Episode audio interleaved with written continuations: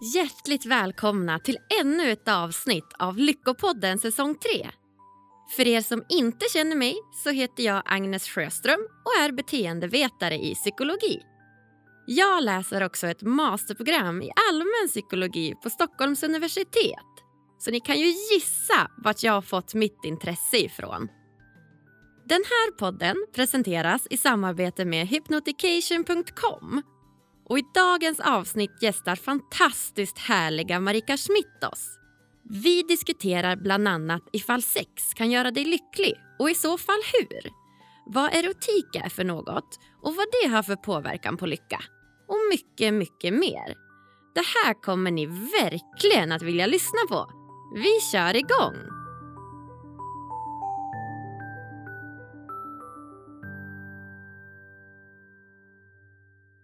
Hej och välkommen till Lyckopodden Marika Schmidt. Tack så mycket. Smitt med S. Smitt med S. TH.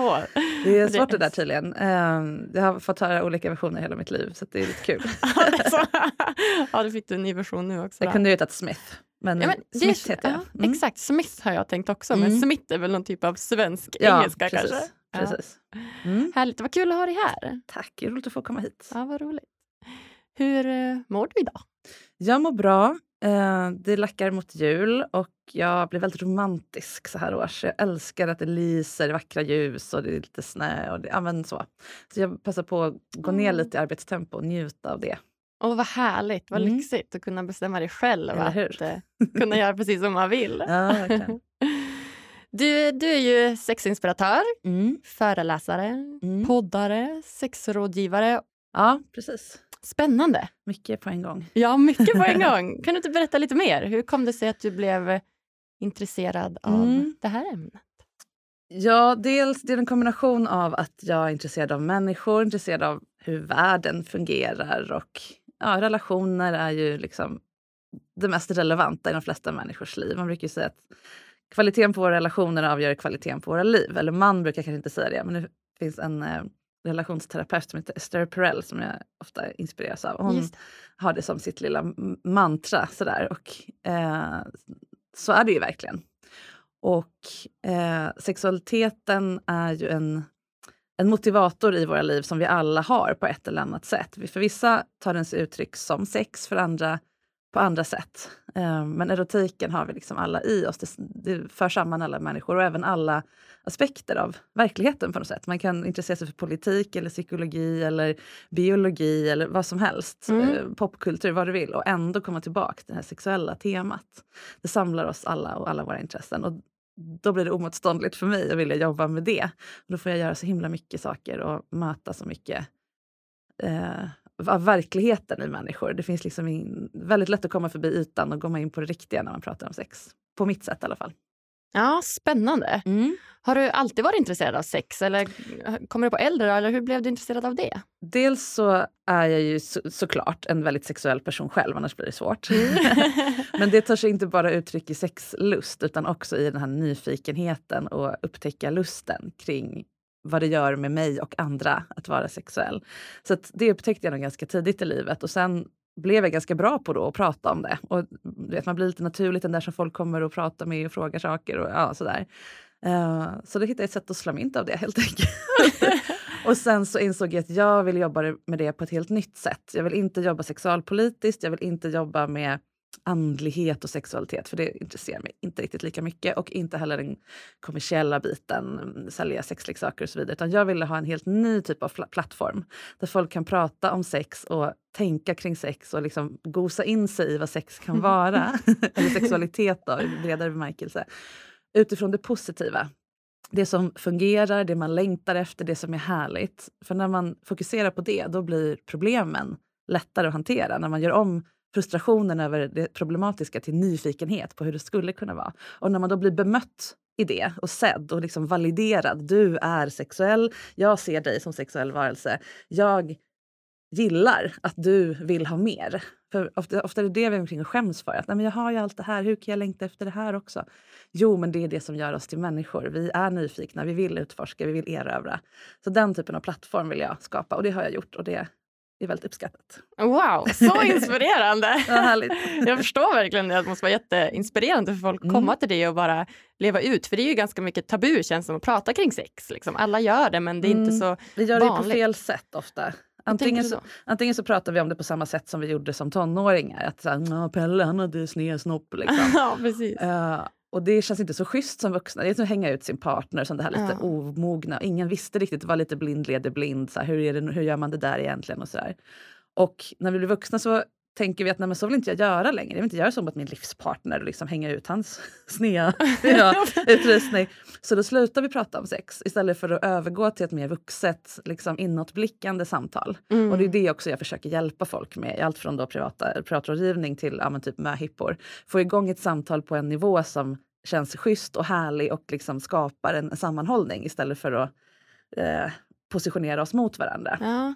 Så dels det, men sen så har vi också, och det är ju det som hela mitt arbete går ut på, boken som kommer någon gång. Den, Ja. just nu är det väldigt mycket podd, så det, den ligger lite vilande just, Just nu. det. Men podden handlar egentligen om samma sak, den heter ju Sex på riktigt. Därför att jag vill prata om sex på riktigt, så som det faktiskt fungerar. Alltså både rent vetenskapligt, men också eh, när vi skalar av oss alla myter, missförstånd, eh, lögner, konstigheter som vi får för oss om sex, som ofta sitter i språket. Hur vi pratar om att liksom gå hela vägen eller vara oskuld. Alltså såna konstiga ord som för med sig värderingar som, vi, som är liksom tusen år gamla, som inte har någon bäring i vårt samhälle. hur tänker du då att man kan ändra på det? Alltså, Hur Mm. kan man prata om det på ett annat sätt? Jag kan ge ett tydligt ett, ett, eh, exempel som jag ofta använder, ordet förspel.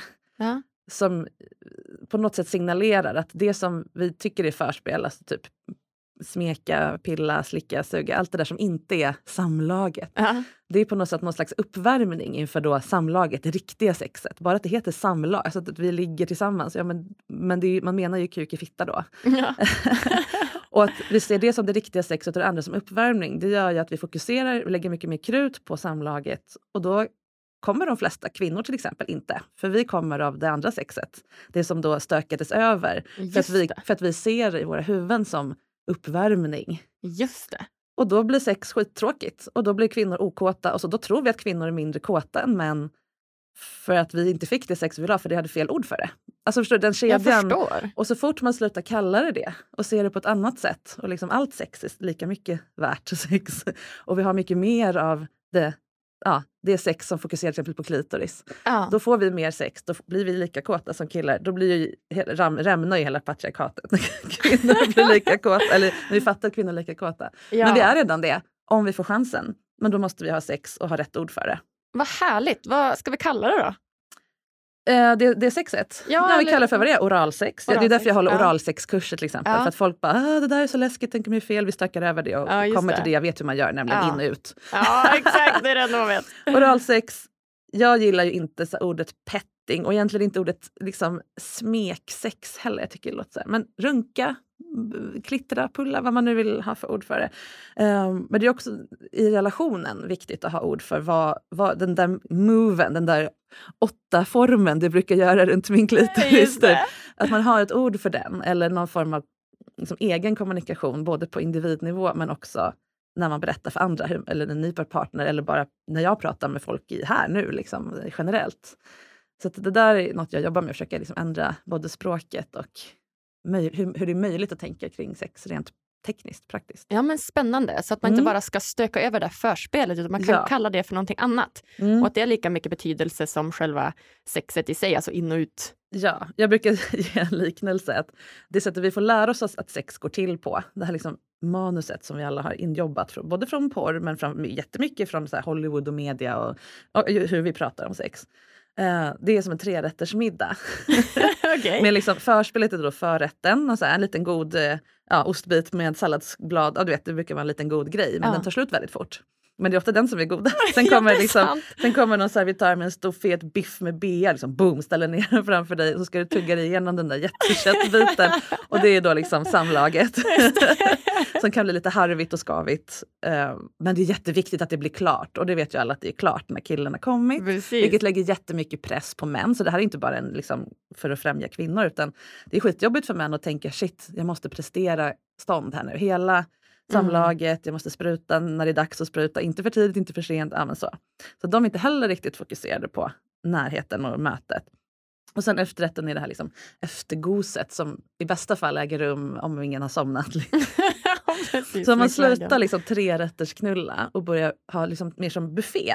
Ja. Att man dukar upp liksom alla de här, ja, som sagt oralsex i en skål, samlag i en skål, eh, kyss på halsen, hångel, eh, skicka sexiga bilder till varandra. Alltså alla de, hela spektrat från liksom, eh, punkt A till Ö. Analsex, BDSM, vad man nu gillar. I olika skålar så kan man plocka det man vill, som liksom tacokväll. Lägga i sitt lilla skal. Då blir det både mer spännande att ha sex, för det blir olika varje gång. För man plockar det man är sugen på just idag. Man kanske inte vill ha hela trerättersmiddagen. Och istället för att tacka nej till sex så kanske man bara, ah, men jag vill bara ha från de två skålarna. Bara eh, jag vill bara ge dig oralsex idag till exempel. Då har man liksom bestämt det. Det ska inte leda vidare till något. Då kan båda fokusera och njuta och slappna av i det som är ja. istället för att hetsa vidare till nästa grej. Um, och då blir det oftare sex, det blir roligare för att man blir mer överraskad för att det är lite variation. Det gillar ju våra hjärnor, de blir kåtare när det är lite oförutsägbart.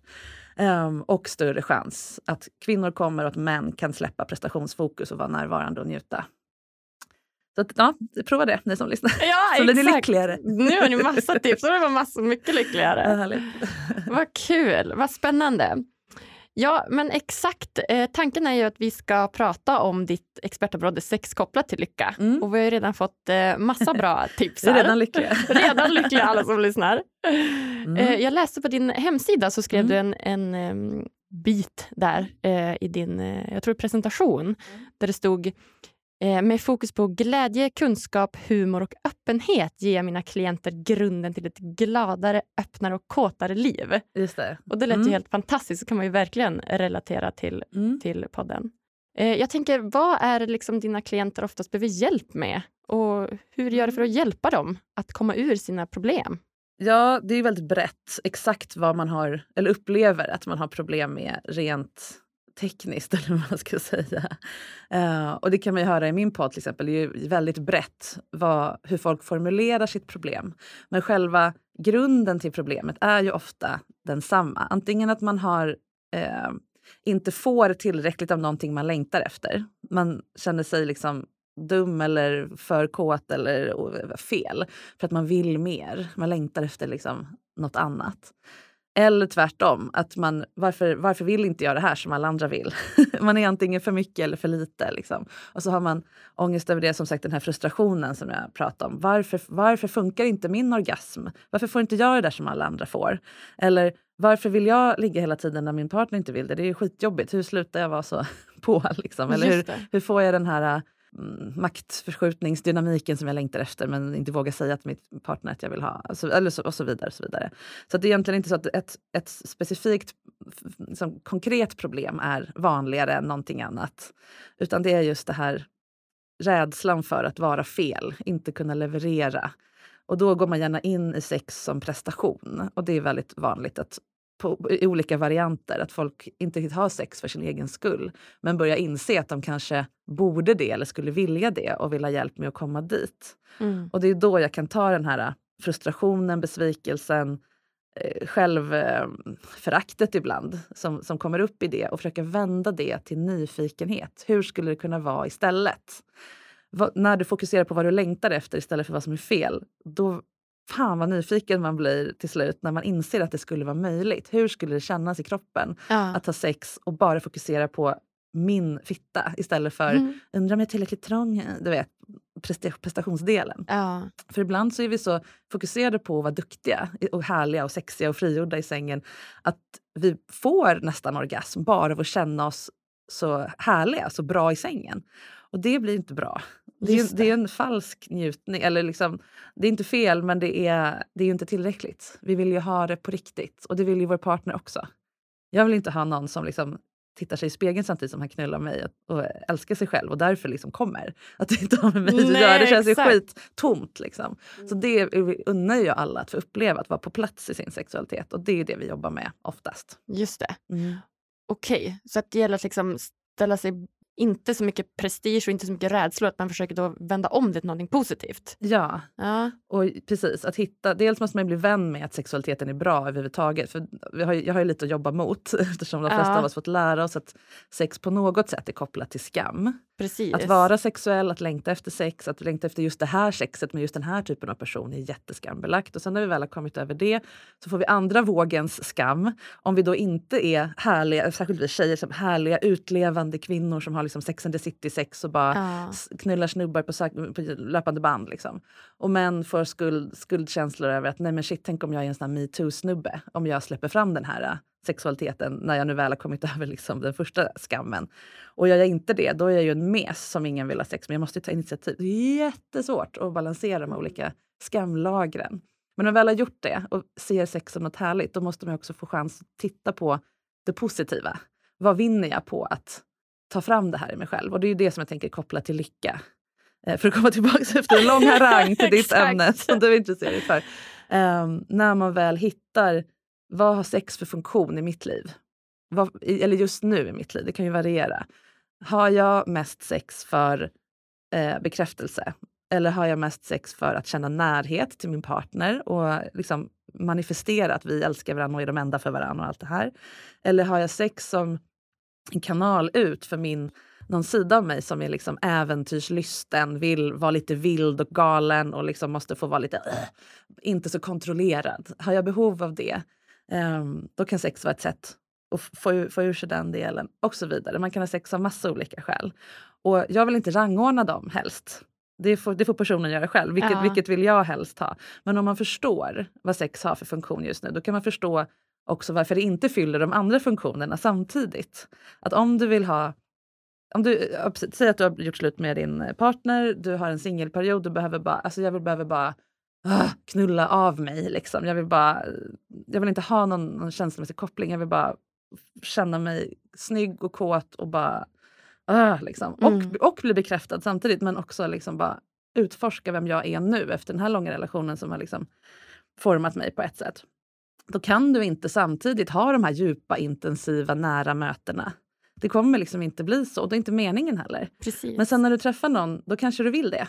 Då kanske du inte kommer eh, gå på sexklubb det första ni gör, utan kanske liksom kokona lite och ha lite tråkigt sex ett tag, men som är väldigt intensivt och närhetsbyggande. In, alltså förstår du vad jag menar? jag så att- förstår. Eh, när man är på det klara med vad sex fyller för funktion i ens liv och blir vän med det och eh, gör det man behöver för att det ska fungera, ger sex den tid och utrymme och eh, bjuder in rätt personer att dela det med en, då, eh, då skulle jag säga att sex gör en lycklig. Då gör sexen lycklig. Vad härligt. Mm. Om man generaliserar lite grann, vad finns det för olika sätt att ha sex på för att bli Oj. lycklig? Alltså liksom... Bakifrån och framifrån. Nej, men jag menar inte riktigt ställningar så, utan mer Nej. som du säger, eh, emotionell koppling Ja. eller mer än bara eh, one night stand koppling. Mm. Eller vad finns det för olika liksom, sätt, skulle du säga, att ha sex? Det är, man får nästan börja baklänges och definiera lycka då. Är Ja. det lycka, lyckokänslor i stunden? Det, det, de kan ju komma om du hoppar bungee jump. Du kommer ju hata dig själv sekunden efter att du har hoppat antagligen och bara vad i helvete gör jag? Och så bara överlev, överlev, överlev. Och sen när du kommer ner på jorden så får du ju världens kick. I did it! Då känner du ju att du lever, att du, det skulle nog många säga är en lyckokänsla. Men så vill vi ju helst inte ha sex. Fan också, varför gjorde jag det här? Precis. Ehm, så att kicklyckan är ju kanske inte det man främst eftersträvar med sex, men det kan också vara så. Vissa gillar ju, och det är därför vi missförstår så här, porr och så här, alltså, vissa Mm. grejer, eh, eller vissa grejer som folk vill göra, men varför måste det vara så extremt? Nej men för vissa är det jäm, jämförbart med det här kicksucken, adrenalinkicken. Ehm, att kunna hänga upp och ner och bli piskad. För, för vissa är det jätteuppfyllande och får de verkligen känna sig levande och liksom eh, nu, eh, det här är jag, nu, nu står jag här på liksom mitt yttersta på något sätt. Eh, det här är in, en intensiv sensation verkligen, både i kroppen och i, i psyket. Och, eh, om jag klarar det här, då klarar jag allt. Och det gör en ju jätte liksom peppad, eller ja, peppad är ett konstigt ord, men uppfylld av möjlighet på något Mm. sätt. Och för andra, som sagt, så kan det här otroligt subtila sexet med en intensiv närvaro. Jag känner verkligen in varenda cell av din kropp. Jag känner mig helt och hållet hållen, accepterad, älskad. För många är det ju den optimala bilden av lycka. Att hitta någon som håller en så fullständigt. Ja. Och då få smälta samman med den genom kroppen i sex är ju fantastiskt.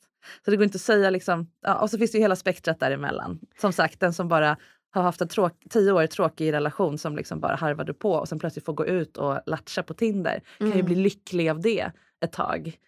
Och sen byter man fokus till något annat kanske. Ja, men exakt. Eh, Kan man se någon liksom, generell koppling i dina klienter, att de går åt ett håll eller åt det andra? Alltså mönstret, såklart så är ju den gemensamma nämnaren att de har kommit till just mig. så det är klart att det finns en, en eh, underförstådd vilja att förstå sex lite mer på djupet. För det är ju det jag utstrålar att jag erbjuder. Så det är klart att de som inte är så intresserade av något annat än det fysiska kommer ju inte till mig. Hjälp med 48 nya ställningar, då finns det andra som kan hjälpa till Ja. med det. Utan jag skulle säga att det generella mönstret är ju att viljan att förstå sin egen sexuella karta eh, lite bättre. Var, var är jag nu? Vart vill jag? Vad är det som inte fungerar? Hur ska jag ta mig dit? Eh, och den viljan är ofta, som, som jag sa tidigare, den är ofta väldigt stark men den kan vara förklädd till frustration, besvikelse, ilska mot någon annan som har gjort en illa eller så vidare. Men den går att vända då till eh, nyfikenhet och drivkraft. Det här kanske var lite Hur gör du det? okonkret. Ja, Hur vänder man det? Det Ja. låter så himla bra, men hur gör man? Jag skulle säga att mitt viktigaste verktyg är ju mig själv. Att jag, sitt, jag, när jag möter mina klienter så är ju inte det en terapiroll. Jag har ingen terapeutisk utbildning eller kompetens eller intresse heller. Utan vi möts som två sexuella människor. Inte att vi har en sexuellt möte mellan oss, men att jag är på samma nivå som den jag möter och visar och, och liksom förklarar hur, hur det här är möjligt. Jag är sexuellt nyfiken. Så här gör jag när jag vill upptäcka någonting nytt. Eh, det här är min erfarenhet och så vidare. Så att ibland använder jag mig själv som redskap för att spegla den andra. Jag, du sitter där, jag visar dig att du är sexuell i mina ögon, även om inte vi är attraherade av varandra. Ehm, och redan där ser jag att det liksom tänds ett ljus i ögonen på folk som har slutat se sig själv som är sexuella och, Okej. är, och tycker att det är jättejobbigt. Och bara, vad, vad hände med min, min kåthet? Vad hände med mitt, liksom, eh, min förmåga att få folk att reagera sexuellt på mig? Då, då bekräftar jag, men jag ser att du har en sexualitet och din längtan är fullt befogad. Liksom. Mm. Och så frågar jag, så här, vad, vad längtar du efter? Och så får de liksom jo- jobba sig fram till det. Okej, vad hindrar dig från att få det? Vad kan du göra för att ta bort det hindret eller kringgå det hindret? Vad behöver du ändra hos dig själv? Och så vidare. Och så vidare. Så vi pratar ganska lite om det fysiska. Det händer också. Absolut att någon kommer och bara Alltså, nu har jag träffat en eh, undergiven kvinna och jag är dominant man men jag vet inte, var, var börjar man? Jag, jag vill men hur, hur gör man? Liksom? Då kommer jag ju med konkreta förslag på det här skulle hon tycka var läckert om du föreslog eller gjorde. Eller, um, bara kommer med liksom möjligheter serverade på en liten bricka så får man plocka dem Så man vill ta med sig. Buffén måste, ja, ja men exakt, så det måste få vara konkret också naturligtvis. Men underliggande är just det här validerandet. Ehm, då tror jag att folk tar till sig det här möjligheten. Efter ett eller två eller tre eller ett antal eh, samtal med mig så börjar de också liksom själv gå mellan samtal. "Ah, Tänk på det här sen sist. Och det händer också att folk bokar in sig på samtal eh, typ en månad fram. Det är ofta ganska fullbokat. Och sen eh, hör de av sig en vecka innan och bara alltså, nej, men när jag mejlade dig och anmälde mig då började jag fundera på det här. Jag tror att jag har redan löst det. Vad härligt! Så att det sätter bara att ta tag i det och visa sig själv. Jag tar min sexualitet på allvar. Jag, nu fan ska jag ha hjälp med det här. Liksom. Och så bokar de och då har de redan gjort halva jobbet. Då är motorn redan i rullning. Då börjar de prata med andra och eh, söka upp den kunskap de behöver och, och prata med sin partner och så vidare. Och då släpper ganska mycket ganska fort.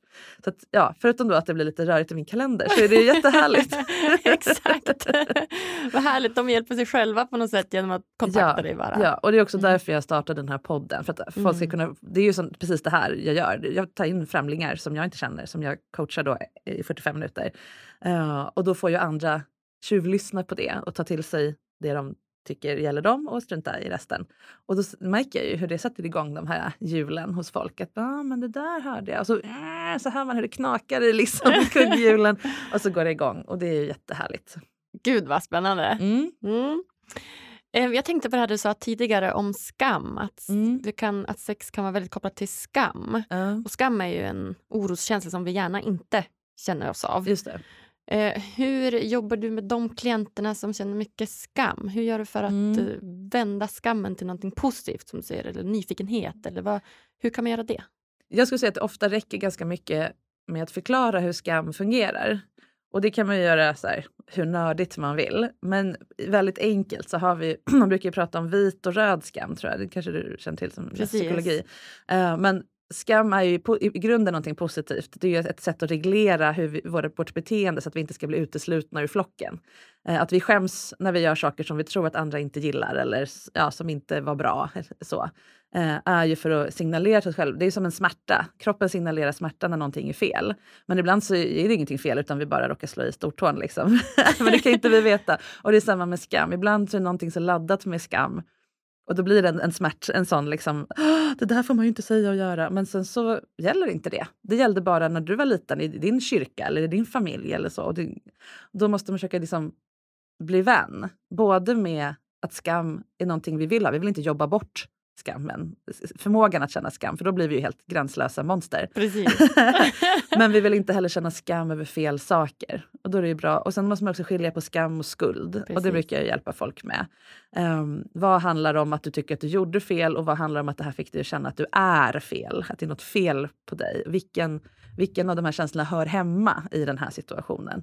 Och särskilt om det är ett par. Eh, där den ena känner skam över någonting och den andra, ja, men liksom att de behöver hjälpa varandra att reglera den här känslan. Så att, så att den kan läka och, och gå vidare. Så det är lite skillnad på om man känner skam över att man gjorde något pinsamt i en viss situation eller skam över att man är kåt men växte upp med app, app, inga fingrar i framstjärten. Liksom. ja, men precis. Åh, Gud. Och jag har ju ibland människor som växte upp till exempel ganska strikt religiöst och de är så skadade. Det är så otroligt... Nu är det här jätteobekväm eh, åsikt, men jag tar den. Det är så skadligt att föra över sina sexuella issues oavsett vad man tycker att de, att de beror på på sina barn. Vill man, vill, äl, älskar man sina barn, låt dem vara sexuella även när de är barn. Alltså det är så otroligt skadligt att lägga på massa jag var på en, eh, en konferens här i New York nyligen och där har de ju, alltså i USA har de en helt annan typ av sexualundervisning. Det var en kvinna som berättade att den sexualundervisning hon hade fått, eller om det var någon av hennes klienter, det var att fröken tog med två presentpåsar, såna här liksom giftbags, fina med rosetter och ja, så. Eh, den ena hade hon kört över med sin bil så att den var liksom helt trasig och full med så skit. Liksom. Och den andra var fin och ny. Och hon bara, vilken av, den här, vilken av de här två vill ni ge till er första pojkvän? Det var all sexualundervisning de fick. Nej, Alltså, och jag bara, men gud. Åh, och det här är inget ovanligt. Och eh, som jag har hört så pågår det här ibland även i vissa, vissa svenska sammanhang där man inte kanske riktigt nåtts av hur sex fungerar. Och det är ju det jag fått jobba då med 15 eller 20 år senare. Och det är också de som blir som mest trasiga som människor. Och det handlar också om, inte bara om sex, utan det blir ju svårt att ha relationer när man skäms över en så stor del av sig själv som inte går att hålla tillbaka. Då blir man inte lycklig på, i något annat sammanhang heller. Och det är ju det som är så jävla skadligt. Verkligen. Jag kan verkligen bli tokig när jag tänker på det. Jag Förlåt, förstår det. Slut på ranten. Ja, Ja. exakt. Nu lugnar vi ner oss igen. Ja. Nej, men jag förstår det. det Mm. Gud så spännande det här är. Ehm, jag tänker att du pratade lite tidigare om eh, just erotik också. Hur skulle du beskriva det? Man kan ju se det som en, eh, en, en fin eh, synonym för sex eller porr eller knull eller vad man vill. Eh, Men jag gillar också att se det som någonting större. Att erotiken är eh, hela plattformen vi har där vi uttrycker vår vilja att leva, där vi känner livslust och passion, inte bara för en annan människa eller kropp utan passion i allmänhet. Att erotiken är den där liksom vibrerande, härliga, blodfyllda delen av oss. Och där kan man ju ha erotiska möten med sig själv eller med en vän eller någonting som inte alls är sexuella. Men ligger där och liksom så.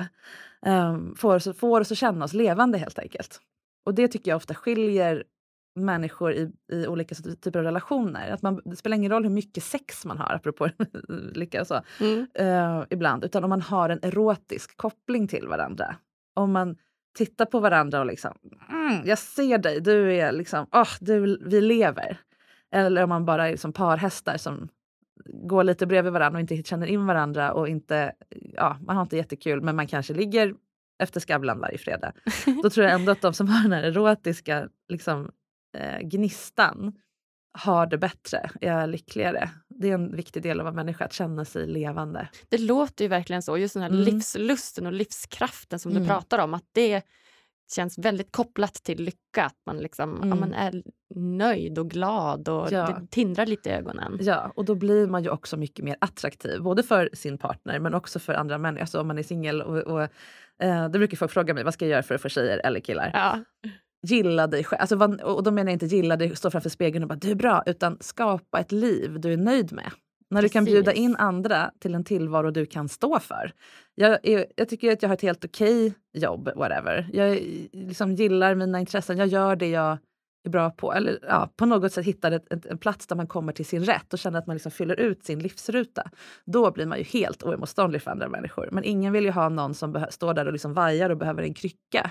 Just för att liksom gilla själva, själva livet. Ja. Så att det går åt båda hållen.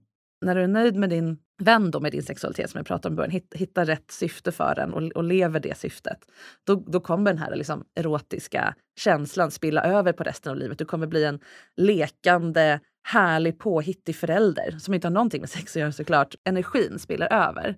Eh, du kommer vara jättemycket bättre medarbetare på jobbet för du kommer inte behöva leta bekräftelse eller status som du saknar från det sexuella i ditt arbete. Så du kommer bli mycket mer generös och inlyssnande och liksom härlig att vara med på jobbet, prestera bättre och bli mer kreativ och så vidare. Såklart en bättre vän. Eh, för du blir liksom van vid att ha nära levande relationer där du blir accepterad och så vidare. och Så vidare. Så det spiller över på allt. Mm. Men också åt andra hållet. Eh, när du har det livet så kommer du också dra åt dig mer sex. Okej. Okay. Spännande. Mm. Inte så lätt att uppleva, uppfylla alltid, Nej. men det är verkligen, det finns inga genvägar dit. Nej. Mm. Eh, och jag tänker att eh, ja, men om man då vill bli den här erotiska, livsglada personen, vad ja. börjar man med? Vart börjar man? Vad behöver jag göra? Ja, det beror på vad man är. Om man är om man mår dåligt, om man lider av psykisk ohälsa så måste man såklart hantera den parallellt. Man kan inte liksom kicka igång det här utan att ta tag i sina andra saker i livet. Men en nyckel, om man, om man är rimligt på, på, en rimlig nivå, yeah. men bara jag tycker att livet är lite småtradigt. Ja. Då är det ju att hitta det härliga i livet. Det, visst, jag jobbar med det och det är så, men man behöver också bli liksom vän med de mörka stråken. Det som man upplever är lite, ja men dels skam som vi pratade om, att göra upp med olika typer av skam. Och det är inte alltid man är medveten om vad man har skam kring. Precis. Um, man kan liksom undra, så här, okay, vad, hur gör vi för att liksom hitta det vi, mm. vi känner skam inför? Man kan liksom, när, när, när upplevde jag obehag? Liksom? När, tyckte jag, när, när kände jag mig otillräcklig?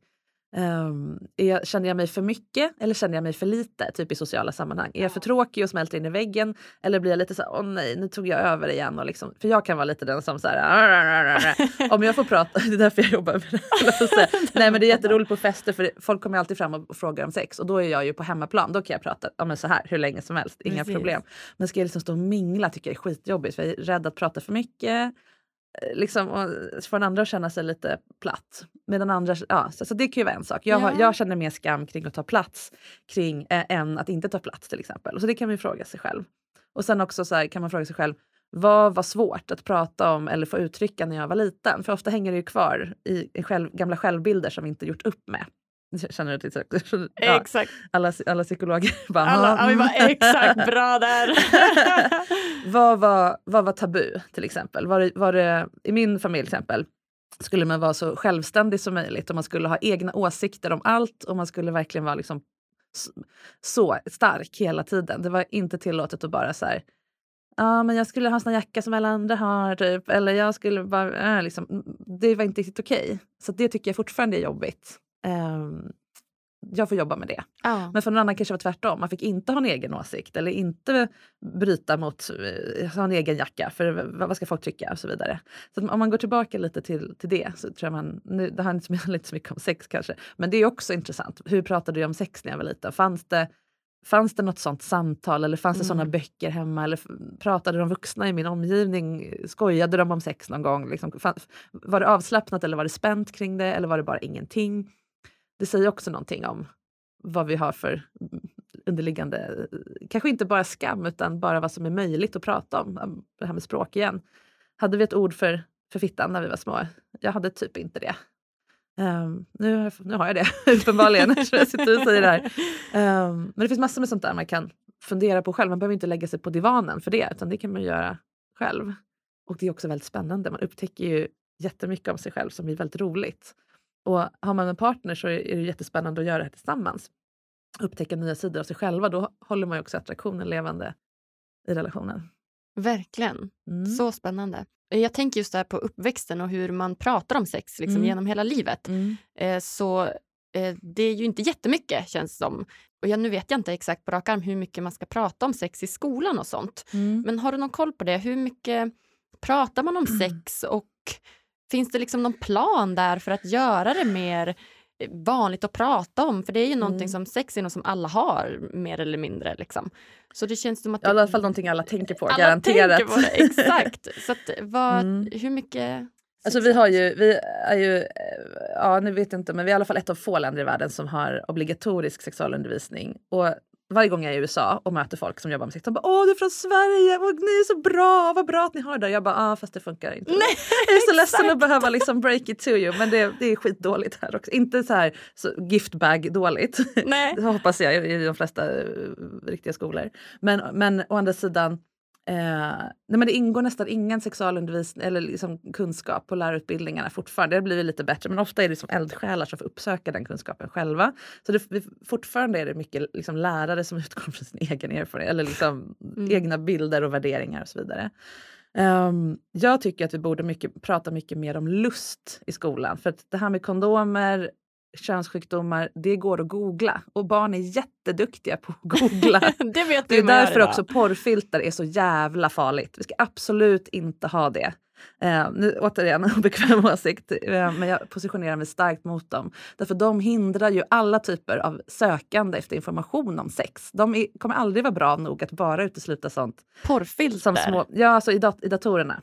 Mm -hmm. Det okay, pågår en stor kampanj. på Ja, att man, inte, att, att, man inte ska kunna söka på sex, kuk, oralsex, whatever. Eh, eller vad, barn, vad man nu får för sig att barn sitter och söker på. Då, då spärras de sidorna för att man inte vill att barn ska exponeras för porr. Men då gör man det också omöjligt för dem att söka riktig kunskap om sex. Och barn kommer googla, de kommer inte fråga vuxna i den utsträckning de behöver. Det kommer bara inte hända att en 15-åring bara “jag ska suga av min kille i helgen, mamma hur gör man?” Eller Det kommer hur? aldrig någonsin hända. Nej, det kommer inte. Och det finns inte tillräckligt många som jag. jag. Jag får ju alltså, frågor från folk över hela världen varje wow. dag på sociala medier. Jag har ingen möjlighet att svara på alla och jag är så ledsen. Jag önskar att det fanns tusen av mig som jag kunde göra det. det. För det finns så mycket behov. Um, men det går inte. De måste kunna googla. De måste kunna hitta vettig kunskap på nätet. Och det finns jättemånga som producerar sån kunskap men om vi blockerar den så är, är det kört. Uh, vi behöver sam riktiga samtal men de räcker inte det, det kommer behövas. Förlåt, varför? Jo, jo eh, undervisning i skolan. Sån kunskap, hur man får klamydia. Ja, men så. Det är klart mm. att vi ska ha med det lite grann. Men framförallt så måste vi prata om lust. För det är mycket svårare att googla sig till. Hur känns det att vara kåt? Vad händer om jag är kåt men inte han? Hur vet man om man ska vara ihop med någon eller om man bara vill ligga? Alltså, alla de här grejerna, så jäkla viktigt. Och då behövs det ju också vuxna som kan svara ärligt. Verkligen. Inte utifrån sin egen erfarenhet men ärligt utifrån vuxenlivet. Så här mm. kommer det vara. Mm. Och det ämnet, alltså det är ju obligatoriskt, det är ju inlagt i läroplanen, sist jag kollade i alla fall, att det ska mm. finnas med i alla ämnen. Alltså det ska vara ämnesöverskridande med sexualundervisning. Så att, Matte och så lite sex. Ja, men så här, hur många centimeter? Exakt. Eh, hur, många, hur, många, ja, precis, hur mycket sperma blir det under ett liv om man kommer varje dag i fem milliliter? Nej men jag vet inte, och hemkunskap. Men jag skulle tycka att det är fantastiskt om det funkade så, men det gör ju inte det. Nej. Det kommer upp i biologi, förhoppningsvis lite i samhällsorienterade ämnen. Men då är det ofta så här, nu ska vi läsa om metoo eller någonting. Och det är väldigt mycket fokus på det negativa eller på det reproduktiva fortfarande efter alla år. Eller så blir det liksom en uppläxning Ja, man måste tänka på att säga hen. Alltså så. Och det är ju jätteviktigt, men det blir så jäkla... Ett, det blir ju inte lustfyllt, det blir ju en ändå moraliserande kontext som man drar in liksom även det som är, som ska, gö som ska göra det inkluderande och positivt, blir ändå en lite uppläxning. Så att, det finns jättemycket att göra gentemot ungdomar. Så alltid när folk frågar mig hur kan jag bli sexexpert? Jag bara, men jobba med ungdomar på vilket jävla sätt som helst. Ja. Och så prata bara. Mm. Du kan vara slöjdlärare, du kan vara, slöjdlärare för övrigt är de som hör mest sanningen. För på slöjdlektionen så pratar ju ungdomarna fritt för de tror inte Just att de hör. det. Det är en gammal gubbe där i, med en hammare men han hör ju ingenting. Så där, där får man höra vad som verkligen pågår. Så en, en slöjdlärare med liksom sexualutbildad kompetens vore guld. Ja, men egentligen alla jobb som involverar ungdomar är så värdefulla att prata om sex. Man ska inte vara rädd att ta upp det för att så här verka snuskig. Nej, gör det bara på ett schysst sätt. Verkligen. För det kan jag ju relatera Mm. till att eh, ja, men när man väl pratar om det eller Mm. på skolan och så, så dels så är det väl väldigt genant för barn att prata om för de har väl Mm. knappt att uppleva det och sen så plötsligt ska de ja, men, ut i vida världen och ha Mm. sex för första gången och sånt. Så det känns verkligen som ett ämne som man skulle kunna Det är svårt att lägga det på rätt nivå för att vissa i klassen kanske har haft partner och sex i flera Ja. år och vissa är väldigt långt från att ens ha kysst någon. Så det gäller Och vilken klass börjar man? När börjar man? Alltså man ska ju börja i förskolan. Förskolan? Såklart. Ja, såklart. Just det, såklart. Från att pilla, pilla snopp och snippa och Ja. hur blir barn till alltså, och sen följa med hela vägen men ha samma typ av ton. Självklart anpassar man nivån Jo. men en bejakande och avdramatiserande ton. Mm. Men också fokus på känslor. Vad är, det som, vad är det som känns när det blir så här? Inte bara vad får man inte göra. Och liksom, det har kommit jättemycket bra såna här stopp min kropp och såna här. ehm, och också att snippan har ett namn. Alltså det har hänt jättemycket bra. Men det behöver ju nötas varje dag, eller varje dag, men liksom hela i alla åldrar. Så det är en självklarhet när man då eh, kommer till en ålder när det börjar bli intressant med, med riktig sex, eller vad man ska säga. Då har man ju oftast onanerat i flera år, eller liksom expl- ex, vad heter det? Experimentera. experimenterat på andra sätt och det glömmer vi bort. Vi tror att folk hoppar rakt in i sex med andra men så är det inte alls. Och ju tidigare man får chans att göra det desto bättre blir ju sex när man väl har det. Tredje obekväma åsikt. Ja, kör! Avsätt lite skattepengar, skicka eh, presentkort på vibrator till alla ungdomar.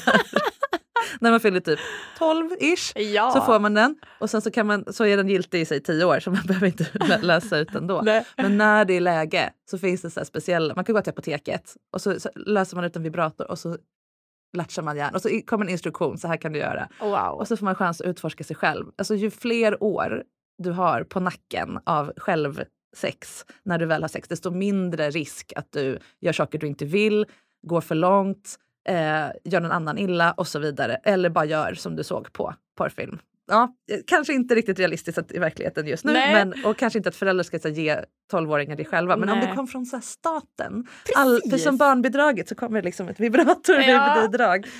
That would be lovely. Då blir det liksom lite mer okej på något sätt. Att alla, men ja, men alla får fått, det. ja, men som den här äh, vaccinationen som alla unga tjejer får nu. Ja, Den, får, den får man ju när man, jag tror man är 12. just det. Eh, du snackar om att killar ska få den också. Ja, hur det var. Mm. Men den, det är tanken att man ska få den innan man har sex första gången för att inte eh, smittas av humant papillomvirus. Ja, just det. Så där pratar man ju redan om tjejers du kommer antagligen ha samlag någon gång säger man till tjejer. Det är ju inte sant för många kanske bara vill ha sex med tjejer och så vidare. Och så vidare. Men eh, man ger ju alla den här som får för sina föräldrar då, den här vaccinationen. Och det hade ju kunnat vara laddat i början. Här ska vi prata med 12-åringar om att de någon gång ska ha sex? Ja men det är väl ändå rimligt och de vet Ja. ju vad sex är och det är, det är ett skydd mot en sjukdom och så vidare. Jätterimligt. Verkligen. Och det här är inte jättekonstigt heller tycker jag. Nej. Men ja, vi får se. Ja. jag kommer inte lägga motion i riksdagen än. Men Marika får president. om, kanske. ja, om någon vill ta idén så gör det. Ja men exakt, exakt. Kanske får skapa en egen skola också där du får lära upp fler som du så ni kan Ja, bli ett litet precis. gäng. Mm. Men det är alltid, just när det gäller ungdomar så är det svårt. Jag, nej, men jag kan inte åka ut i skolan och lära ut hur man har sex. För det, dels är det så personligt och dels så kan det vara lite invaderande, liksom, eh, li- lite gränsöverskridande. så.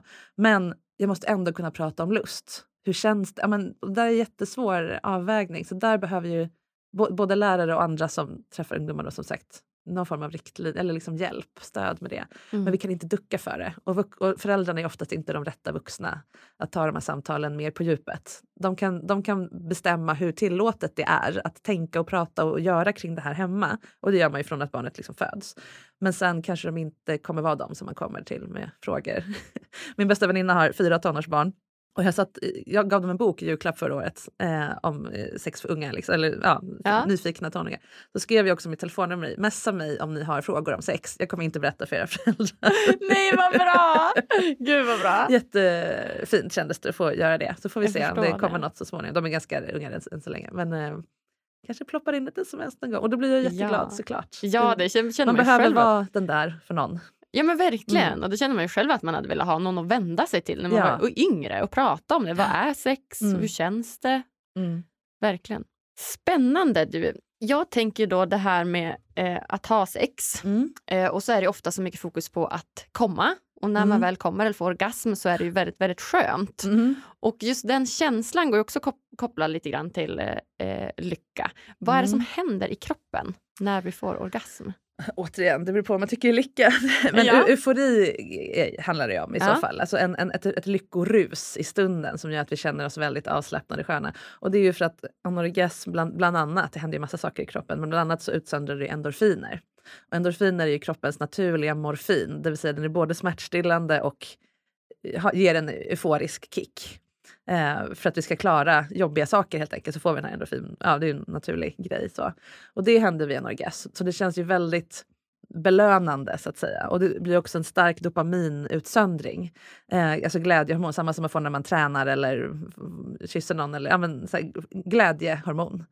Ehm, men om det är lycka på riktigt eller en kick i stunden, ja. Jag kan ju tycka att det finns en, ett, en poäng med att se det som lycka därför att det här kan jag ge mig själv. Det här kan min kropp, det här kan jag få min kropp att uppleva. Wow!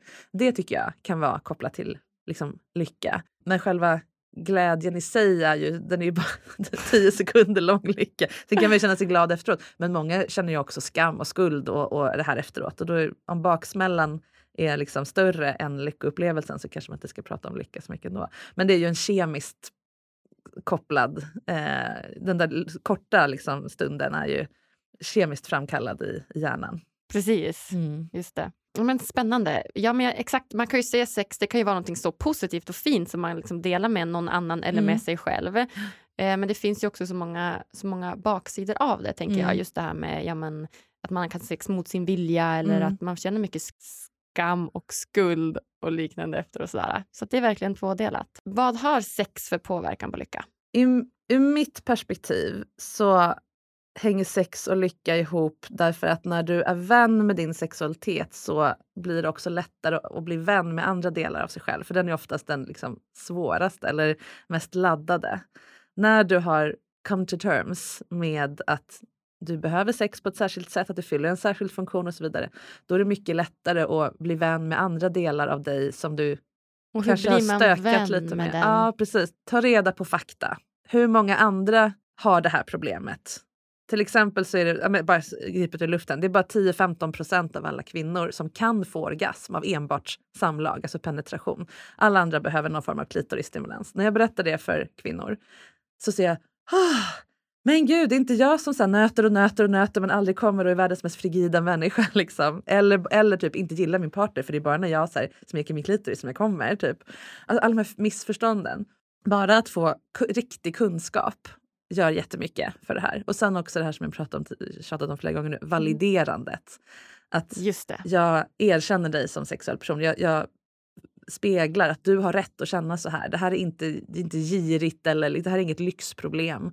Eh, utan det här är en riktig issue som, som du har rätt att lägga tid och pengar och energi på att lösa. Det brukar också liksom... ah, så att man inte är ensam och att det är okej att känna så här. Då kommer den här nyfikenheten börja kunna krypa fram när man liksom lättat på de två locken. Spännande. Och sen är det inte så konkret, ja det är så olika för olika, för olika personer. Men ofta skickar jag med folk så roliga hemläxor bara för att de ska få bli lite kreativa kring det här. Och, bara, ah, och sen skulle jag ha gjort så där, men jag gjorde så här istället. Jag bara, ah, bra, det var det som var läxan, att hitta ditt sätt. Just liksom. det. Berätta, vad kan vara en hemläxa, en sexhemläxa? för Ja, men till exempel så kommer det ibland kvinnor och vill bli bättre på att få orgasm och så visar det sig att de har inte egentligen orgasmproblem men de får bara orgasm i en viss ställning. Att de kanske måste till exempel ligga på mage och liksom gnida sig mot sin hand istället för att ligga på rygg som, som på film då och onanera med att liksom pilla med fingrarna. Och då måste jag ju börja med att liksom, ja men det är inget konstigt för vi har alla olika sätt att komma och du har antagligen lärt dig det här när du började onanera och sen har du kört vidare på det och det är det enklaste sättet och då är det det du kör på. Det kan vara så att det är möjligt att komma på andra sätt, men det kan också vara så att det här är ditt sätt och då är det helt okej. Okay. Att man liksom har de två tankespåren öppna samtidigt. Jag vill vara öppen för andra varianter, men jag vill inte heller känna skuld eller skam eller någonting om jag inte ser ut som andra gör eller ligger på samma, liksom, på samma sätt som andra när, när jag kommer. Och då skickar jag hem dem med hemläxan att testa lite olika. Så här, och ibland lite knasiga liksom, sätt att så här, ja, men typ stå upp, stå på ett ben, ligga, vilka olika sätt liksom stimulera. Då blir det lite lekfullt och roligt. Och sen kanske de kommer tillbaks och har upptäckt en helt ny grej som inte jag ens hade tänkt på för att de fortsätter spinna vidare. Eller typ, jag behöver spänna hela kroppen. Ja, men prova att spänna en, bara ena benet. Kan du komma med ena benet spänt? Kan du komma med andra benet? Kan du slappna av i liksom, eh, rumpan utan att slappna, eh, men ändå spänna fittan? Och så vidare. Och så, vidare. så att man liksom får latcha lite med kroppen. Mm. Eh, för det måste också få vara kul. Och, och lite ja, men lekfullt och lustfyllt och så. Men ändå att man tar problemet på allvar men gör det på ett roligt sätt. Ja. Spännande. Mm. Uh, upplever du att dina klienter, när de kommer till dig, mm. upplever du att de är, vilket stadie är de? Uh, de som har stark ångest, de prioriterar oftast inte att deala med sex på det här sättet. De vill bara liksom ta bort allt som... Det är som att handen på varm platta, man vill bara ta bort handen. Det är liksom det enda. De kommer oftast inte till mig. Gör de det för att de tror på något sätt i, i illusionen att all den här ångesten beror på att jag är eh, för, o, för, för ful eller för oattraktiv. Då, då skickar jag dem vidare till en terapeut såklart, för då behöver man ju liksom riktig terapi. Det händer ibland. Sen finns det de som redan går i terapi, till exempel för att de varit med om sexuella övergrepp som exempel, men det kan också vara helt andra saker. Men också vill för det en terapi, terapeut oftast gör är, sånt, det är att de tar en från minus 50 som man liksom känner sig på sexuellt upp till noll. Och där är deras jobb klart. Men hur man tar sig från noll och uppåt, liksom hur man bygger den positiva Precis. skalan. Det är inte alltid så lätt för en terapeut att ge, för de har inte den kompetensen och kanske inte det intresset och kanske inte är bekväma med det heller att prata om hur du ska bli kåt igen, hur du ska röra vid dig själv. De har inte den. Liksom. Så därför måste man gå kanske till en sexolog eller någon som jag som gör det på ett lite mer lättsamt sätt. Då. Eh, vad härligt att du, att du jobbar förbi det här. Jag förstår vad man behöver när man har varit med om sexuella Man behöver ta tillbaka kontrollen över sin kropp. Men du har kåtheten i dig. Den ligger bara lite i, i, i, den spelar död för att du behövde det då. Den behöver inte det längre. Nu ska vi väcka den. Jäklar vad roligt. Och så pratar vi om det som att de var helt normala människor. Ja. Och det är det man ofta behöver. Inte vara, gå från att vara patient hos någon till att vara klient hos mig och bara väcka något som är fantastiskt. Um, så att många har ju behov av både och eller upplever att terapin inte räcker. Så jag jobbar väldigt mycket parallellt med andra och, och, och kanske med eh, folk som jobbar med kroppen också. Jag jobbar ju bara med samtal, liksom inga kroppsövningar. Eller de får hemövningar, men vi gör ingenting. Jag rör inte vid patient eller vid klienterna. Eh, så det finns ju massor med bodywork att göra, liksom massage och allt möjligt och dearmoreringar och allt sånt där. Så att man behöver, kan ju behöva flera kompetenser. Förlåt, du hade en annan bra fråga. Jo, när ska man komma? Jag vill ju gärna att folk kommer så tidigt som möjligt innan det blivit så infekterat, särskilt om de är i en relation. Uh, att det blir svårt att hitta tillbaka till den här lekfulla lusten. Det är liksom för mycket jobb i vägen. För det som händer när man börjar, liksom, om du tänker dig en, en, eh, om du bryter armen och inte gör något åt det, då kommer det liksom läka fast i fel vinkel. Blir, ja. Då måste doktorn bryta armen på dig igen för att kunna lägga dem rätt. det låter jättehemskt. Men det är lite så, alltså så här, om man inte har gjort något åt ett problem som pågått i tio år då är det ganska kraftigt, alltså då kanske man måste liksom typ göra slut, alltså, ja, men, göra ganska drastiska saker för att börja om.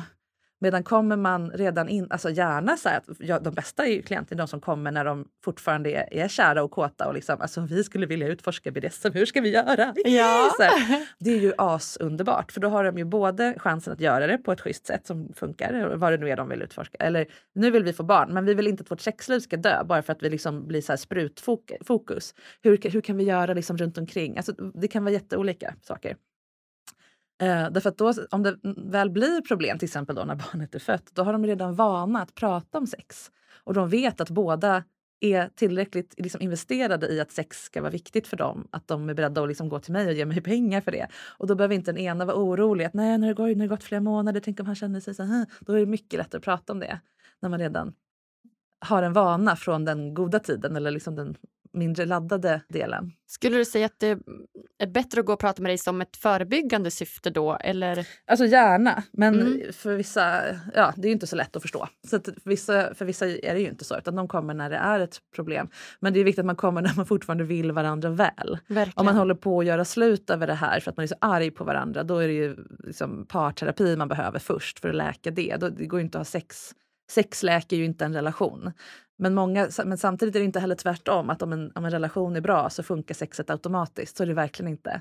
Så att man kan ha en bra relation men ändå ha liksom, det knarrar i sexet, då kan man komma och bara, så löser vi det. Men man måste fortfarande liksom ha en relation man på något sätt vill ha eller tror på. Mm. Men samtidigt så händer det, gud vad jag babblar på, men Kör! Samtidigt så är det ganska ofta det kommer par där det bara har låst sig for whatever reason, det, av någon anledning. Och då frågar de ofta så här, vad, om säg att de är 30, vad vill ni hellre? Leva precis som ni har det i 60 år till tills ni dör eller göra slut? Och då, Ja, säger, säger ju, de då? då säger de ju nästan alltid, nej men jag, jag gör hellre slut. Och det är ju jättesvårt att säga inför sin partner att jag, in, att så här, jag, tål, jag, jag kommer inte acceptera vad som helst i vår, jag vill inte ha det så här i 60 år. Men samtidigt, när båda säger det så händer någonting. För då ser jag hur det lyfts en tyngd från båda. Att den andra förväntar sig inte att vi ska ha det så här i 60 år. För att det här är liksom ett ah, du vet, lyxproblem. För, vi, för som vi älskar varandra så offrar vi sexet. Typ. Okej, du vill inte heller det. Då hittar de en gemenskap. Okej, men vi vill framåt. Wow! Så, så att det är en sekund där innan de svarar som, vill som är svår. Men sen så, så det sätter liksom hela plattformen för vårt samtal. Då kan man bygga positivt sen. Oh shit, vi gör ju det här tillsammans. Tycker du också att det är skitjobbigt att vi inte har sex? Ja men vad härligt. Det betyder inte att vi kan börja ha det för det kanske beror på fysiska saker eller whatever. Men då, har vi, då är vi ett team som tacklar problemet. För vet man inte om problemet ligger i min partner eller utanför min partner, då är det jättesvårt att förhålla sig till det. Verkligen. Eh, men då vet man, problemet ligger utanför oss båda. Skönt. Spännande. Ja. Okej, så hur mycket liksom, skulle du säga eh, kommunikation är kopplat till eh, sex som då kan kopplas till lycka? ja. Om man ska försöka bryta ner till någon nyckelpunkter, Ja, att det här kan man träna på för att bli Ja, lyckligare via sex. Kommunikation är ju lite missbrukat ord för det kan betyda vad fan som helst. Eller Det bara stort. prata mer. Det är ju lätt för mig att säga bara, man måste prata med varandra. Men det, kommunikation är på massor med olika nivåer. Och jag, ibland kan jag säga till par, nu får inte ni komma hit mer för nu måste ni knulla. nu har era hjärnor och munnar pratat klart. Nu behöver era kroppar få hitta tillbaka till varandra, kommunicera med varandra. Hur, hur känns din kropp mot min? Hur reagerar jag på din beröring nu gentemot för, för fyra samtal sen? Om de inte har liksom provat sen. Ja, men så. Ska man hantera kommunikation som en grej så måste man liksom se den på många olika nivåer.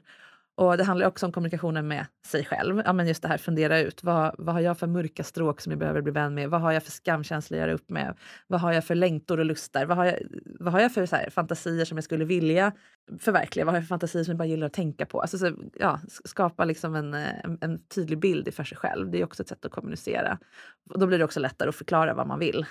Ehm, och som jag sa i början, sätta ord. Egna ord eller anamma nya ord som kommer. Just det.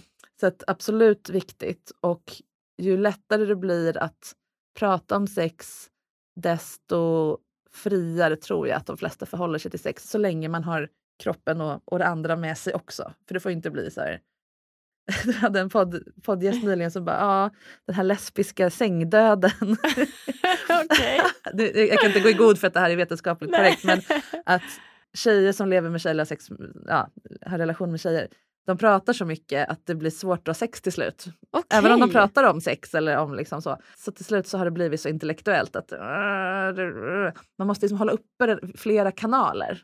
Tänker att det är liksom en ljudkanal och en bildkanal. Så är det liksom en pratkanal och en kroppskanal. Så, så att man liksom håller båda. Eller båda i någon typ av balans typ, Ja, precis. för att ha en bra relation. Ja, men exakt. Och jag tror att när man känner den här balansen mellan kropp och intellekt, mellan ja, men så här, trygghet och äventyr som vi pratade om tidigare, om man använder sexualiteten till, då kan sex vara en, en väldigt viktig del i, i upplevelsen av lycka. Och det, det har, finns det forskning på, att eh, i och för sig inte kanske lycka i princip, men hälsa. Att även folk som är typ dödssjuka, alltså kroniska sjukdomar, allvarliga sjukdomar, rankar sin hälsa högre om de mår bra sexuellt. De behöver inte vara jättesexuellt aktiva, men känner sig sedda, känner sig sexuella, känner sig nöjda liksom med för de sexuella. Och då får man nästan anta att det gör dem lyckligare också. Verkligen. En aspekt av lycka i alla fall. Verkligen. Och det tycker jag är jätteinspirerande att höra. Ja, vad Mm. Jag tänkte också på det här just du nämnde att man ska känna sig sedd. Mm. Att man ska liksom sin partner eller se sig själv eller ens partner ska se en. Eh, Jag kopplar det li- lite grann till eh, intimitet. Eh, Hur ser du på intimitet? Är det någonting som du jobbar mycket med? Det är ett ord som är otroligt slitet och kan betyda också vad fan som helst. jag tror att många upplever, upp- missuppfattar lite vad intimitet och sexualitet har med varandra att göra. Att sexualitet är, är samma sak som intimitet. Att ju närmare man är varandra desto sexuellare har man det. Eller liksom desto närmare till sex har man. Men så är det inte alltid. Utan den här, det beror på vad man menar med intimitet. Men om man eh, är för öppen med varandra, för nära, för, vet för mycket om varandra, är för liksom insatta i varandras system. Så kan det vara svårt att känna attraktion i en relation. För att man blir liksom lite samma person på något sätt. Man Och behöver, spänningen försvinner lite Ja. grann. man behöver ha lite spänning, lite distans. Och det betyder inte att man ska vara känslomässigt frånkopplade. Men kanske lite ändå frånkopplade, göra lite olika saker, odla olika intressen, inte vara så här liksom super entwined Mm. hela tiden. Då blir det lättare att upptäcka nya saker med sin partner. Och det som sagt, det, hjärnan går igång på det här liksom erövrandet. Så. Men för att vi ska våga ha den här distansen så måste vi också ha en grundtrygghet. Och den bygger ju på intimitet, alltså att vi vågar vara sårbara inför varandra. Att ha sex med någon som inte vågar vara sårbar, det är ju, då kan man lika gärna onanera. För det är samma sak, någon som bara ligger där och uh, så Ja. inte släpper in. Och det är också det som är det vanligaste problemet med orgasm, i alla fall för kvinnor. Att man vågar inte släppa kontrollen. Det blir för intimt eller det blir för eh, sårbart. Och man kanske har varit med om att någon har utnyttjat det någon gång eller att det bara är läskigt att vara så naken liksom, som man är i orgasmögonblicket inför någon och så blir det svårt att koppla på det. Så att ja, det är både och verkligen. Men sen är det viktigt att förstå intimitet, att det, att det finns så många olika aspekter. Man brukar prata om liksom olika eh, stolpar i ett diagram. Att du kan ha en otrolig, i en relation då, otroligt hög emotionell intimitet. Vi är verkligen så här känslomässiga med varandra, vi, vi påverkar varandra, vi liksom är sårbara eh, gentemot varandra. Men vi har inte så mycket intellektuell intimitet. Jag vet inte så mycket om vad du röstar på eller vad du drömmer om eller vilka, vilken filosof du tycker har, har rätt om vad som händer efter döden. Alltså, allting annat tankemässigt. Att vi, vi är liksom känslomässiga men resten av livet har vi inte så stor koll på. Då kan det bli en diskrepans. Eller om man inte har så mycket social intimitet, alltså att man inte umgås så mycket eller inte har eh, umgås med varandras eh, vänner, inte känner varandras liv riktigt. Man, inte har, man är ganska separata så. Eh, sen kan man ha ekonomisk intimitet såklart liksom, och ja, ha in, dela den delen av livet. Eller om man är föräldrar ihop så blir det en typ av intimitet och så vidare. Så att de här stolparna kan vara väldigt olika höga och har man liksom några jättehöga och några jättelåga så kan det vara svårt att ha eh, då kan det påverka den sexuella intimiteten. För att jag känner mig jättenära dig emotionellt. Men mitt intellekt liksom taggar inte igång för den, den får ingen stimulans här. Liksom. Eller tvärtom, du är så jäkla smart. Vi, åh, vi har liksom verkligen vi, vi har fantastiska samtal hela nätterna och det är liksom så. Men vi, det blir liksom ingen emotionell koppling. Så, men vad, vad betyder jag för dig? Och man, det blir svårt för sexualiteten när de här är extremt olika höga. Och hur gör man då för att försöka hitta någon typ Mm. av höjd på de här stolparna? Ja, då får man helt enkelt identifiera dem. Och det är därför man har de här stolparna, det är som ett tankeredskap. Okej, nu känner jag i vår relation att vi har jättemycket av alla stolpar, men inte den emotionella. Jag känner inte liksom den här eh, varm, varma liksom, eh, känslan. Eller jag känner, jag känner inte att jag får komma nära dina svagheter. Att du berättar för mig när du mår dåligt och så vidare. Det kan vara både liksom positiva och negativa emotioner. Ja, men då behöver vi jobba på den. Då är det den man antingen går till en parterapeut för att jobba på eller själva anstränger sig för att hitta på olika sätt. Genom att bara prata mer om det eller göra mer saker som involverar eh, känslor eller ja, vad det nu kan vara. Eh, och då hjälper det sexualiteten också. Men det kan också vara tvärtom. Att sex, förlåt, på. Sexualiteten är för många också ett sätt att nå emotionell intimitet. Och det är också jätteviktigt att veta. Att den som till exempel, brukar jag ta som exempel, den som vill ha sex direkt efter ett bråk. Det är många som gillar du vet, make-up sex. Ja, liksom eh, bli sams-ligget. Det kan ju vara jättehett därför att man är fortfarande här lite, lite arg men man har också så här ifrågasatt hela relationen vilket gör att man kommer tillbaka till lite som det var i början när man inte riktigt visste om man hade varann. Då måste man liksom bli ihop igen på något sätt och det kan man göra då via kropparna. Då är det verkligen kropparna som kommunicerar. Verkligen. Och därför upplever vi det som väldigt passionerat och liksom intensivt. Medan andra hatar sånt sex och absolut inte vill ha sex med någon som just kallade dem idiot för tio minuter sedan. Liksom. Och då måste man bara förstå, apropå det här med också vad man har sex till, att vissa människor upplever sex som någonting som stärker, en, det uttrycker en närhet som man känner. När jag känner mig älskad och nära och inkopplad i dig, då vill jag manifestera det genom sex av olika, ja, sex på olika sätt. Uh, medan andra människor som, nej men nu känner vi oss ganska långt från varandra för vi har precis bråkat, liksom, uh, nu gled vi ifrån varandra här. Då vill jag genom sex nå tillbaka till dig för att vara nära. Och, och min kropp uttrycker det genom att liksom längta efter din kropp och så smälter vi ihop och så blir vi sams. Och är man då en av varje så kan det ju bli den ena liksom, du är sjuk i huvudet som vill ha sex nu när vi liksom är jätteosams. Du kan lika gärna ha sex med en jävla docka för vi, vi har ingen connection. Hur kan du vilja ha sex? Och den andra bara, men hur kan du inte vilja bli sams med mig igen? Vi har ju bråkat, vi älskar varandra. Varför vill du inte ligga med mig så att vi kan bli sams? Och båda vill ju samma sak, känna närheten igen, bli av med den här distansen eller liksom eh, eh glappet som blir när man har haft en konflikt. Men man når, man når det från olika håll. Så där är intimiteten liksom ett redskap för vissa och ett uttryck för andra. Verkligen. Och vet man då vilket ens partner har, vilket sånt språk eller man ska säga, då blir det ju lättare, man kanske inte kan få till det varje gång men det blir lättare att förstå. Okej, okay, mm. nu kommer han och har stånd där. Ah, Okej, okay, ja. då betyder det att han vill liksom make up. då kan man åtminstone förstå det. Så behöver man inte ha sex då om man inte tycker att det är... Ja, då kanske man kan vänta en timme och sen och prata lite och sen ha det där heta sexet. Ja. Men jag vill också lägga till, det är ingen bra idé att bråka på rutin för att sen ha bra sex. Nej, det låter inte som ett Man kan uppnå den där känslan på helt andra sätt, den här uh, ovissheten. Och det var det jag menar med den här distansen. Att är man inte för liksom, ihop liksom, klistrade, då, då kan man uppnå det ändå genom att fortsätta vara liksom, lite nyfikna. Hur kommer han reagera på det här? Hur, vad har du för så här, sidor som jag inte har sett? För det har alla. Även om man varit ihop i liksom, 30 år med samma person så finns det nya sidor. Man måste bara vara öppen för dem och liksom tillåta dem. Tillåta varandra att utvecklas. Det ger jag alltid som det största relationstipset. Tillbaka till din fråga som du ställde för 20 minuter sedan. att om man vill att sex ska, ska ge lycka till en relation eller liksom till en själv, att tillåta sig själv och sin partner att utvecklas. Både som människor i allmänhet och inte vara rädda för om de börjar liksom bli helt annorlunda eller eh, hitta nya intressen eller börja med något helt nytt och inte bara ah, 40-årskrisen eller? Precis. Så jävla tråkigt att höra Verkligen. när man upptäckt något nytt. Liksom. Och också tillåta sig själv att inte, inte vara rädda att växa isär. För då kommer vi växa ihop istället och det är mycket värre. Det är mycket jobbigare att slita sig ur någon som man har växt ihop med eh, än att närma sig någon som man är liksom lite mer, har lite ja. luft mellan. Verkligen. Mm. Jag kommer ihåg att jag lyssnade på någon eh, podd med dig tidigare och då pratade du, du gjorde någon metafor med två träd tror jag. Just det. Som ja. jag tyckte var så himla ja. bra. Ja, men det, det, men det är precis det här jag menar. Att om du planterar två träd, två trädplantor, typ tallar, jättenära varandra så kommer de växa upp parallellt och sen, men sen när de börjar utveckla grenar så kommer de liksom äh, krocka och gå in i varandra. Och det, det, trädet kan liksom inte växa på den sidan där, där grenarna möts utan den, de kommer utveckla grenar åt andra hållet där det finns luft och sol som, som ju grenar behöver för att dra in klorofyll till trädet. Så att visst, man står rygg mot rygg men man växer åt andra hållet, bort från varandra. Men om du planterar två tallar med tre meters mellanrum, när de växer upp, visst de har lite mer luft mellan sig, men när grenarna slår ut så blir kronan så stor och vid som den kan bli.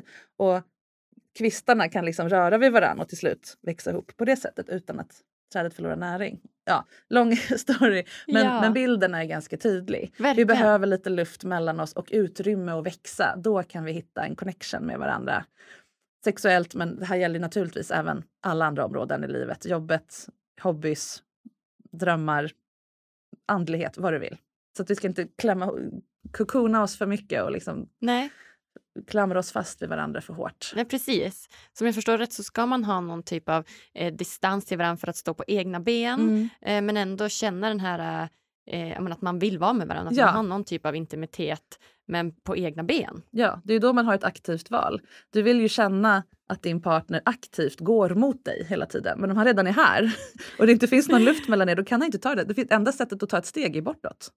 Eller att ni går samtidigt och det är inte så kul att stappla runt. Liksom. Man vill ju bli vald hela tiden och då behövs det möjlighet att välja. Det är därför jag också säger till dem, det här, vill ni hellre göra slut eller ha det så här i 60 år? Då väljer ju de varandra.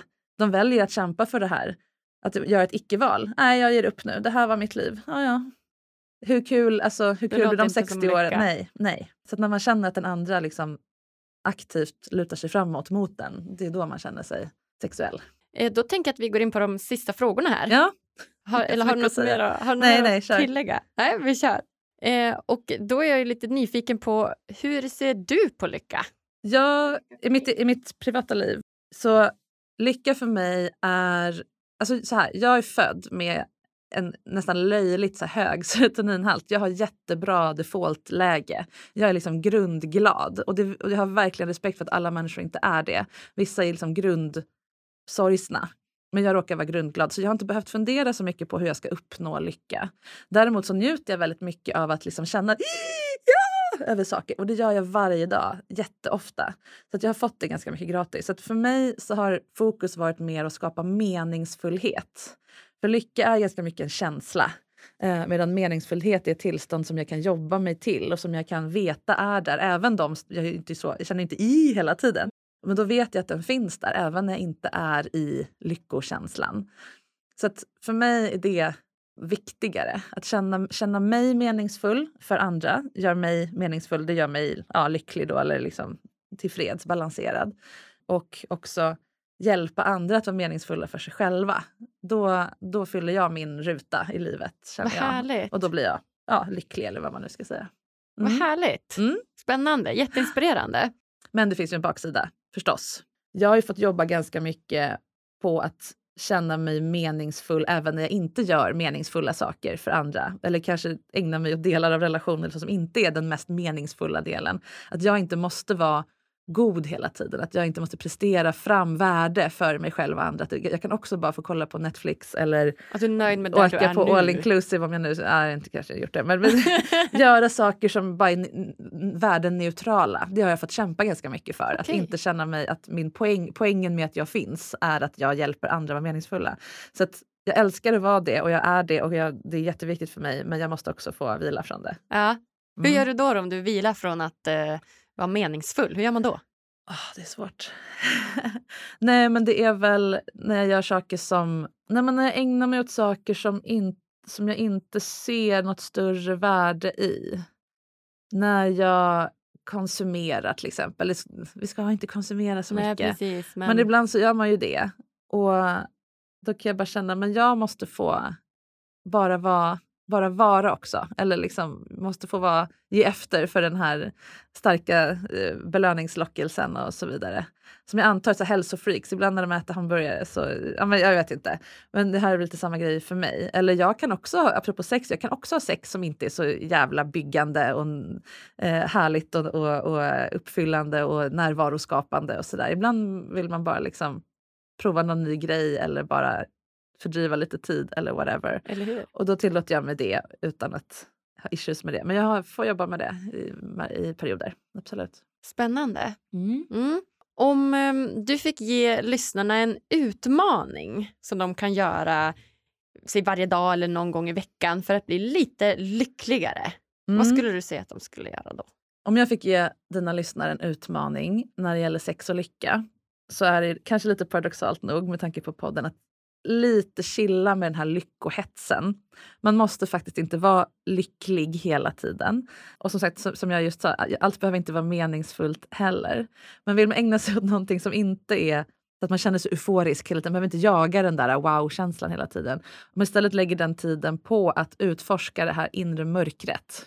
Och det kan ju se jätteolika ut för olika personer. Och det vi tror är mörkt kan visa sig vara ljusgrått i någon annans ögon. Yeah ta reda på vad det är vi har lagt i den här hemliga svarta säcken som vi inte öppnar för någon och som ingen får komma nära.